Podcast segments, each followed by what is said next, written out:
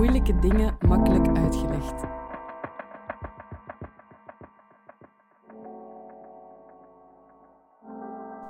Dit is een podcast van Moeilijke Dingen Makkelijk Uitgelegd.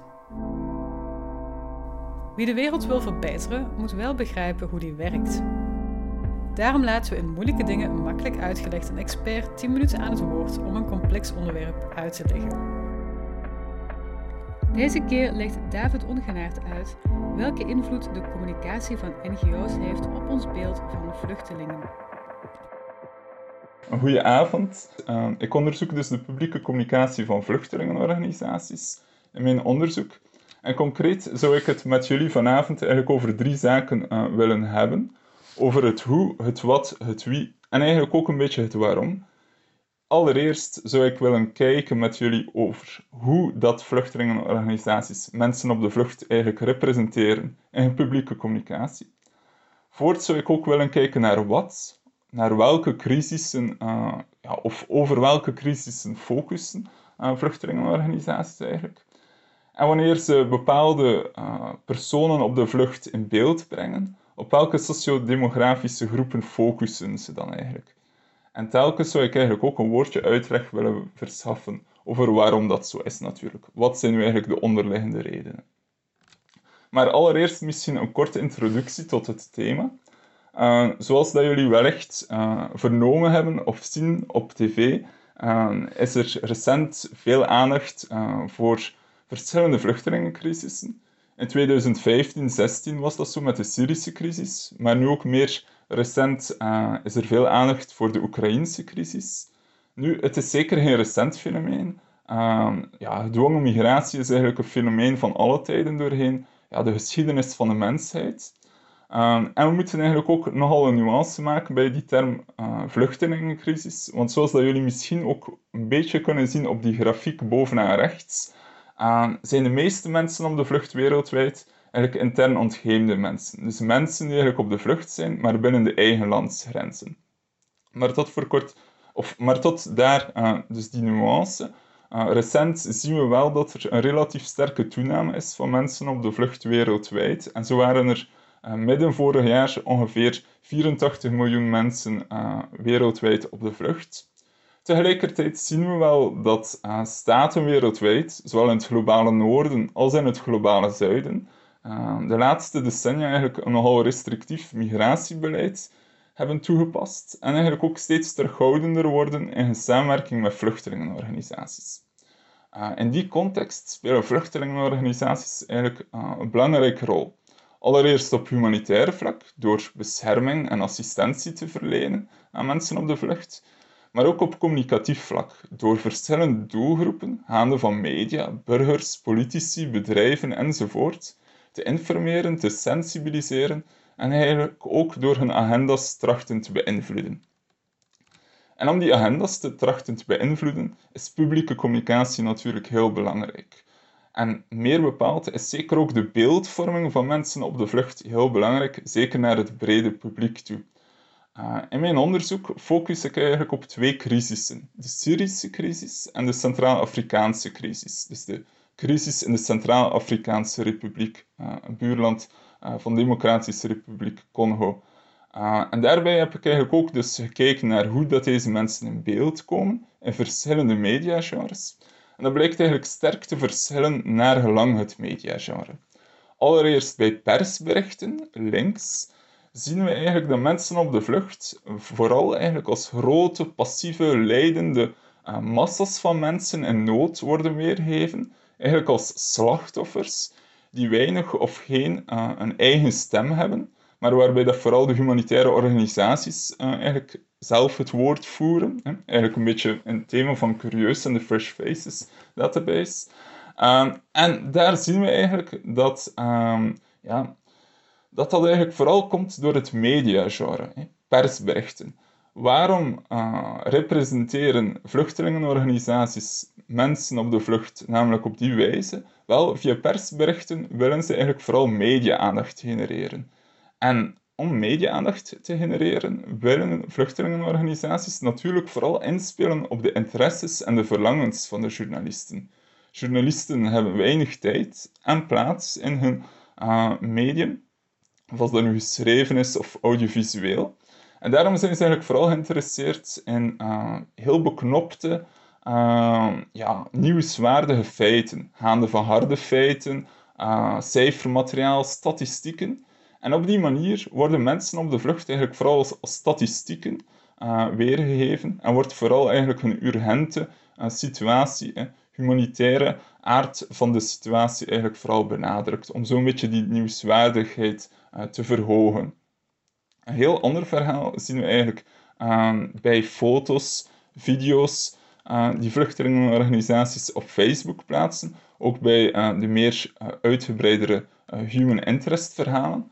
Daar zien we dat mensen op de vlucht niet zozeer als massa's worden weergegeven, maar meer op een individuelere manier, op een persoonlijkere manier, als individuele mensen die wel slachtoffer zijn, maar tegelijkertijd ook veerkracht hebben, talenten, hoop, dromen, ambities. Dus ze worden eigenlijk veel meer op een ja, menselijkere manier weergegeven. Maar daaronder schuilen eigenlijk ook bepaalde pragmatische motieven. Uh, natuurlijk is er die ethische component, waarbij de vluchtelingenorganisaties mensen op de vlucht natuurlijk ook een menselijk gelaat willen geven, voorbij de statistieken en cijfers. Maar ze willen ook op die manier, via die menselijke representaties, het brede publiek engageren, via sterke verhalen. En zo willen ze dus eigenlijk via identificatie en relateerbaarheid, waarbij dat het brede publiek zichzelf een beetje terug kan vinden in mensen op de vlucht die gerepresenteerd worden, willen ze eigenlijk emotionele connecties uh, genereren. En secundair willen ze eigenlijk dus uh, ook uh, ja, donaties trachten te verwerven. Oké. Ehm, voorts heb ik dus zoals gezegd ook gekeken naar de mate van communicatie, over bepaalde crisissen, specifiek de Syrische crisis en de Centraal-Afrikaanse crisis. En heb ik dus gekeken uh, ja, in welke mate dat vluchtelingenorganisaties over die twee crisissen communiceren. Wat bleek, uh, de vluchtelingenorganisaties gaan eigenlijk allemaal over het algemeen veel meer communiceren over de Syrische crisis dan over de crisis in de Centraal-Afrikaanse Republiek. Hoe kunnen we dat nu verklaren? Wel, dat komt eigenlijk omdat er veel meer media, publieke, politieke en donoraandacht en steun is voor de Syrische crisis dan voor de Centraal-Afrikaanse crisis. En ook dat heeft verschillende redenen. En zo zien we dat uh, ja, humanitaire organisaties eigenlijk percipiëren uh, dat de Syrische crisis over het algemeen als internationaal en geopolitiek relevanter aanzien wordt. Het heeft een, veel meer een impact op Europa op verschillende vlakken dan de Centraal-Afrikaanse crisis, die zich veel meer regionaal in Centraal-Afrika afspeelt.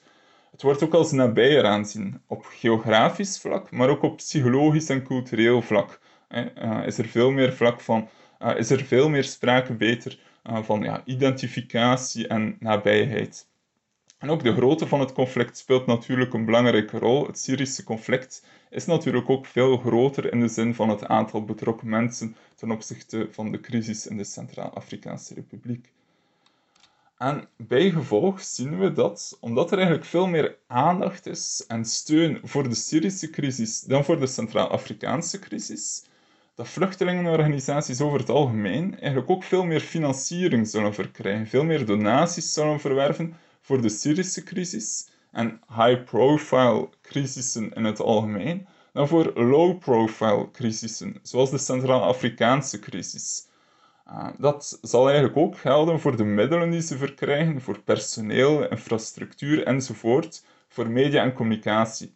Bijgevolg gaan vluchtelingenorganisaties dus meer kunnen communiceren over die high-profile crisissen dan over de low-profile crisissen op die manier dragen ze eigenlijk ook wel ja, onbewust of indirect eigenlijk een beetje mee aan een visieuze cirkel, waarbij dat high-profile crisissen nog meer aandacht en steun verkrijgen, terwijl dat low-profile conflicten, zoals de Centraal-Afrikaanse crisis, ehm, eigenlijk onderbelicht blijven en daardoor eigenlijk ook vaak ondergefinancierd blijven, wat natuurlijk erg ja, heel grote implicaties heeft voor de betrokken mensen in die onderbelichte crisissen. Oké, en dan tot slot, ik zie dat mijn tijd bijna om is, maar dit is de laatste dia. tot slot uh, zullen we ook nog eventjes focussen op wie vooral in beeld komt. Hè. Sociodemografisch gezien, welke profielen zijn dat eigenlijk vooral in die, vooral in die human interest genres dan? Wel, uh, voorheen onderzoek bracht eigenlijk aan het licht dat het vooral vrouwen en kinderen zijn. Mijn onderzoek nuanceert dat een beetje. Uh, er zijn niet zoveel grote verschillen tussen vrouwen en mannen uh, te onderscheiden, maar we zien wel dat vooral kinderen aan bod komen. en dat kunnen we eigenlijk ook weer verklaren door verschillende redenen. Allereerst is er dat belangrijke pragmatische ja, reden. Meer bepaald worden vrouwen en kinderen in de humanitaire sector eigenlijk als ideale slachtoffers aanzien. Ze zien er onschuldiger uit, eerlijker, kwetsbaarder. En op die manier kunnen vluchtelingenorganisaties en humanitaire organisaties in het algemeen eigenlijk makkelijker en sneller een soort van emotionele band uh, creëren tussen ja, mensen op de vlucht en het brede publiek. Maar er zijn ook contextuele redenen. Eh, zo zien we dat op humanitaire vlak eh, vrouwen en kinderen vaak meer geconfronteerd worden met erg kwetsbare situaties, waardoor dat ze eigenlijk ook ehm, ja, meer te maken krijgen met vluchtelingenorganisaties en zo meer in de spotlight komen te staan. Er zijn ook maatschappelijke redenen. Zo zijn er meer vrouwen uh, betrokken uh, in de crisis in de Centraal-Afrikaanse Republiek en meer kinderen in beide crisissen. En op organisationeel vlak zien we dat bepaalde organisaties eigenlijk programma's hebben die specifiek focussen op vrouwen en kinderen, waardoor dat ze opnieuw meer in de spotlight komen te staan. Voorts zien we dat er eigenlijk ook bij die pers- en communicatiemedewerkers die die communicatie maken, dat ze bepaalde ethische motieven hebben. Ze vinden namelijk dat beide doelgroepen, vrouwen en kinderen, in het algemeen in de mediaberichtgeving vaak ondergerepresenteerd zijn. Uh, en daarom focussen zij in hun communicatie specifiek op vrouwen en kinderen, om hen een beetje te empoweren. En een andere reden uh, die een bepaalde medewerker ook aanhaalde, was dat kinderen eigenlijk over het algemeen uh, ook makkelijker zijn om communicatie over te maken. Ze zijn vaak blijer, ze lachen meer, terwijl dat volwassenen vaak uh, traumatische ervaring hebben en ja, niet zo blij en in beeld komen, wat natuurlijk voor audiovisuele en visuele communicatie erg belangrijk is. Deze podcast is opgenomen tijdens de lancering van Fresh Faces, een sprekersdatabank voor experten van 30 jaar en jonger. Ben je benieuwd naar alle jonge stemmen van Fresh Faces? Kijk dan op freshfaces.be. Mijn naam is Selma Fransen. Deze podcast werd gemonteerd door Jelena Schmitz. Fresh Faces en moeilijke dingen makkelijk uitgelegd zijn initiatieven van Curieus.